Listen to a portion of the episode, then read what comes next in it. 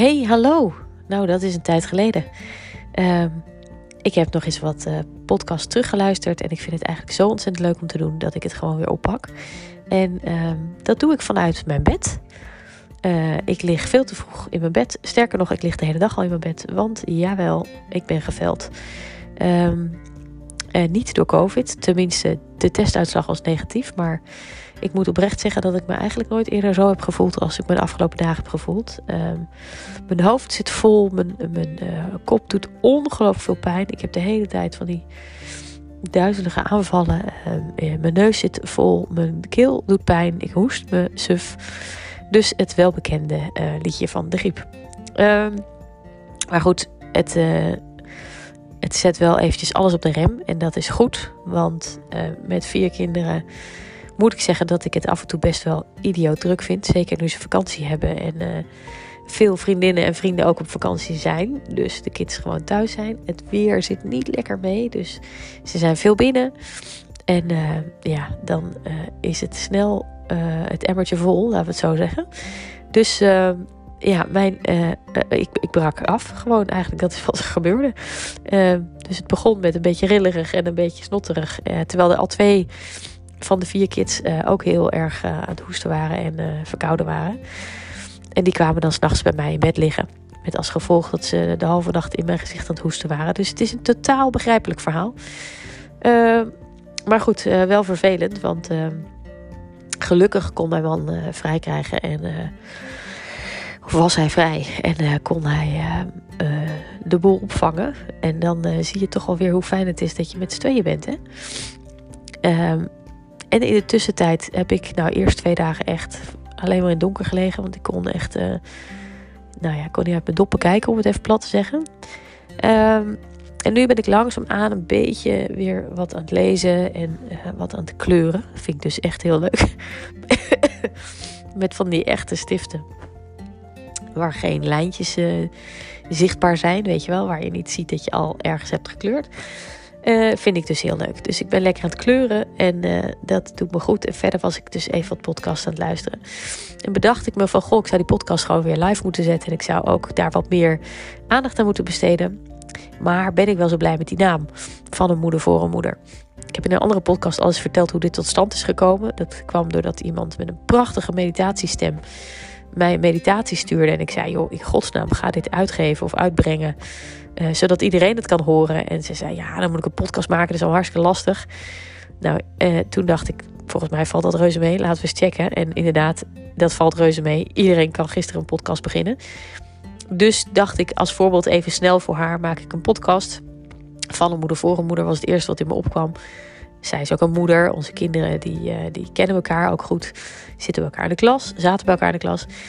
En dus heb ik dat haar gestuurd. En uh, dus bestond ineens mijn podcast. En nou ben ik van nature een enorme twijfelaar. En uh, ja, ik vind dat er inmiddels zo'n ontzettend lullig uh, zweem om het woord perfectionist heen hangt. Want dat voelt een beetje als een. Ehm, als iets heel vervelends over jezelf zeggen, terwijl het eigenlijk heel goed is. Dus ik zeg niet dat ik een perfectionist ben, maar ik vind wel dat ik ben wel, hoe moet ik het zeggen? Ik doe het of helemaal goed, dat het, dat het voor mijn gevoel klopt, of ik doe het niet. Dat is natuurlijk een rampzalig scenario, want daardoor doe je heel veel dingen niet. Ik in mijn geval in ieder geval. En uh, kap ik ook heel veel dingen af als blijkt in het begin dat het toch niet perfect is. Dus dan stop ik ermee. Gooi ik de handdoek in de ring en dan uh, druip ik af. Um, en zo'n paar dagen in je bed geven wel wat uh, mogelijkheid tot reflectie. En nou ben ik al, ik weet niet hoe lang, ja, al jaren eigenlijk bezig met uh, zelfontwikkeling en spiritualiteit. Ik lees er enorm veel over. Ik kijk veel webinars. En uh, dan weet je dat er op een gegeven moment ergens een keer een doorbraak is. En ook dat er uit iets wat heel erg kloten lijkt in het begin vaak iets heel moois komt. Dus zo heb ik deze dagen ook maar gewoon aangegrepen. En bedacht, ja, het is natuurlijk zwaar kloten dat je je zo voelt. En ik voelde me echt vooral zondag, dacht ik echt, nou, ik, over een uur word ik opgehaald, want uh, het gaat echt niet goed. En uh, dat is gelukkig uh, meegevallen. Maar ehm, ja, dus toen had ik nog niet dat besef. Maar wat later in de week, dus het is nu, het is nu dinsdag geloof ik. Ja, het is nu dinsdag. Dus gisteren, begin van de avond, dacht ik: Oh, nou, ik begin weer een beetje. Een beetje oké te zijn. Die ergste hoofdpijn die, die vertrok. En ehm, ja, dan ga je toch al meer nadenken over, joh, uh, los van dat het heel vervelend is, kan het me misschien ook iets brengen. En ik ben echt al maanden, nou misschien al wel jaren, nee, echt niet misschien. Ik ben echt al jaren ehm, aan het zoeken en aan het, um, ja, aan het smeken eigenlijk van, goh, laat me mijn doel vinden. Um, en iedere keer kom ik weer in zo'nzelfde loopje terecht dat ik eventjes blij ben en dat het dan toch weer niks is. En intussen, teruglezend in al mijn oude dagboeken, besef ik dat dat mijn grootste probleem is. Namelijk dat ik dus continu in dat loopje blijf draaien. En dat is, na alle boeken die ik heb gelezen, en als ik daar even mijn eigen filosofie op loslaat, dan is dat denk ik, heeft dat alles te maken met zelfbescherming. Uh, met niet willen falen. Um, en met een, een bepaald patroon wat zich in mij heeft gesleten. Uh, nou, daar kan je allerlei psychologische uh, theorieën op loslaten, waarvan er ook een aantal zeer zeker zullen kloppen. En, uh, en, je kan heel erg terugkijken naar mijn jeugd. En daar zijn absoluut een paar puntjes die prettig aan te wijzen zijn. Maar ik heb ook begrepen of geleerd, en ik heb ook gemerkt bij mezelf dat het niet zo heel veel zin heeft om daar continu in te blijven hangen. Maar dat kan je rationeel zeggen. En toch heeft zich in je leven een bepaald patroon in je gevormd. En dat kan je rationeel zeggen. Ja, je moet, je daar, niet in, je moet daar niet in blijven hangen. Maar daardoor neem je bepaalde beslissingen uh, onbewust waarschijnlijk wel. En dus is het toch goed om af en toe even terug te gaan naar dat verleden. En te beseffen dat dat verleden voorbij is. En dat je nu leeft in het nu. En dat je nu de keuze hebt om dingen anders te doen. En met die reden ben ik dus deze podcast uh, weer verder gaan, uh, gaan, gaan, gaan maken. Uh, en verander ik de naam niet. Voorlopig in ieder geval niet. En niet omdat ik denk dat het een hele goede naam is. Want dat ben ik nog steeds van overtuigd dat het niet is. Maar je moet ergens beginnen. En dat doe ik dus bij deze. Met de moeder van mijn moeder voor een moeder podcast.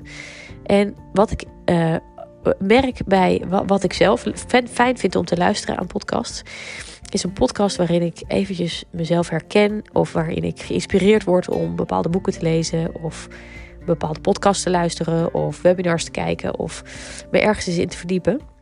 Dus um, ik wil dit moeder voor moeder uh, podcastverhaal wel enige structuur uh, uh, meegeven. En dat is dat er in ieder geval in iedere podcast een, een tip is. Een, een echte ouderwetse moedertip. Um, en dat zijn natuurlijk gewoon uh, de, de, hele basic uh, life hacks. Uh, waar, wat ik trouwens een verschrikkelijk influencer woord vind. Dus vergeef me daarvoor. Maar um, een, um, een gewone slimme tip waar je misschien niet aan denkt. En die wel heel erg makkelijk kan werken. zeker als je wat meer kinderen hebt. En daarnaast wil ik eigenlijk in iedere podcast een boek aanraden. Wat mij mijn ogen heeft geopend. Uh, op een of andere manier. Hè? Dus dat kan, uh, wat me in ieder geval geraakt heeft, laten we het zo zeggen. Sommige dingen sta ik enorm achter, sommige dingen, nou, zetten me aan het denken. Maar ik zal in ieder geval altijd een boek uh, tippen, wat voor mij in ieder geval veel betekent. Ehm, dus dan gaan we over naar de tip van deze podcast, de moedertip.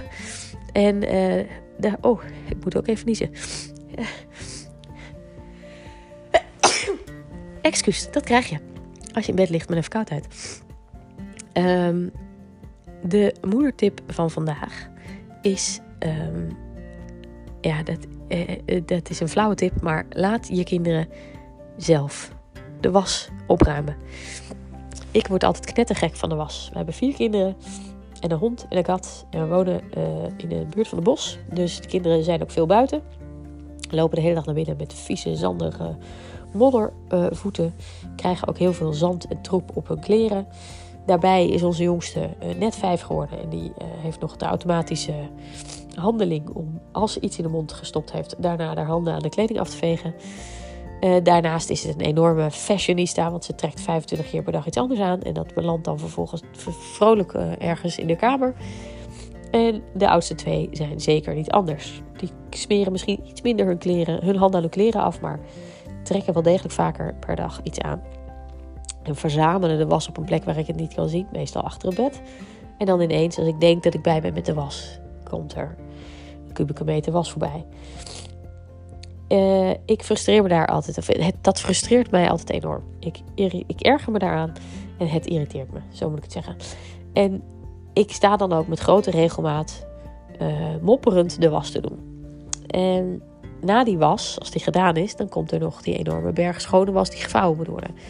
Nou ben ik dus een enorme, uh, ja, hoe moet ik het zeggen?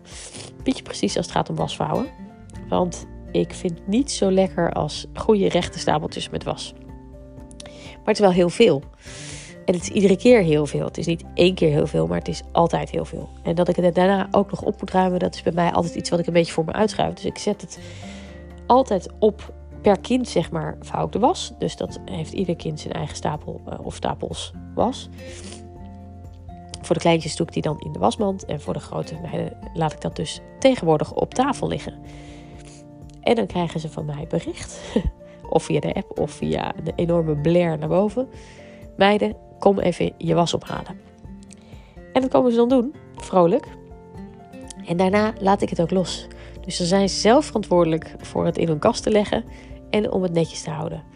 Uh, ik vind het altijd heerlijk als ik, dat gebeurt niet meer zo vaak, maar toen wij nog in Afrika woonden, gebeurde dat wel vaak. Als ik um, um, een stapeltje gevouwen was krijg of ergens zie liggen, dan word ik altijd helemaal gelukkig van. Dat ruikt lekker, dat, dat voelt crispy, daar word ik echt intens blij van. Dus ik hoop die blijheid over te geven aan de kinderen, zodat zij vrolijk en fijn met zo'n stapeltje verse was naar boven gaan. Uh, we zijn sinds kort ook begonnen om die kleintjes dat te laten doen.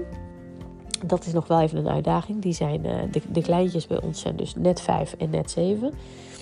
Uh, eigenlijk zouden ze het hartstikke moeten kunnen. Uh, maar ik heb alles een beetje volgens Marie Kondo. Dat zegt jullie misschien iets, misschien niets. Dat is overigens meteen de boekentip.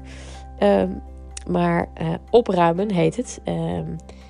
En in het Engels is het de the magic of the life-changing magic of tidying up. Ik moet zeggen dat ik het boek in het Engels heb gelezen en uh, ik vind het een heerlijk boek. Dat was echt een van de eerste boeken waarvan ik zei: Jemig te want dit, dit verandert mijn leven echt. En dat klinkt zeikerig, maar dat heeft echt te maken met een paar hele kleine dingetjes. En dat is onder andere hoe je uh, met respect dingen weg kunt gooien, of weg kunt doen, of weg kunt geven. Zonder dat je je daar daarna nog vervelend over voelt. Dus boekentip van de week, van de dag, van de podcast is: ga het boek kopen van Marie Kondo. In het Nederlands heet het Opruimen. In het Engels is het uh, The Life Changing Magic of Tidying Up. En het is helemaal niet zo heel dik boek. En het is serieus de bom, vind ik. Je kunt natuurlijk ook eindeloos veel uh, filmpjes op YouTube bekijken over Marie Kondo. Het is een Japanse dame. Heel klein tenger dametje. Als je er ziet, dan denk je ook meteen: oh ja, alles in jouw huis blinkt en is schoon. Dat straalt zij ook gewoon uit. En um, ja, de, ik heb alleen mijn familie nog niet helemaal zover om op die manier mee te doen. Langzaam maar, uh, langzaam aan, beetje bij beetje, um, probeer ik uh, ze daarmee te beïnvloeden. Maar dat gaat langzaam en dat accepteer ik. Maar wij werken er wel naartoe. En uh, als je een beetje houdt van orde en netheid en als je ook gek wordt van overal rondslingerende troepjes in je huis, dan is dit boek echt een uitkomst. Dus de tip, de moedertip, laat je kinderen zelf een was opruimen. En de, de boekentip is opruimen van Marie Kondo. Nou, dat was hem weer voor nu. Ik, uh, het is inmiddels kwart voor negen.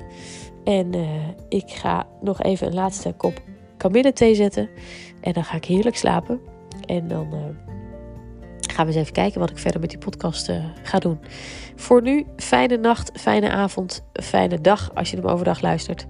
Als er überhaupt geluisterd wordt, dat weet je nooit. Maar uh, nou, lieve groet van mij en tot een volgende.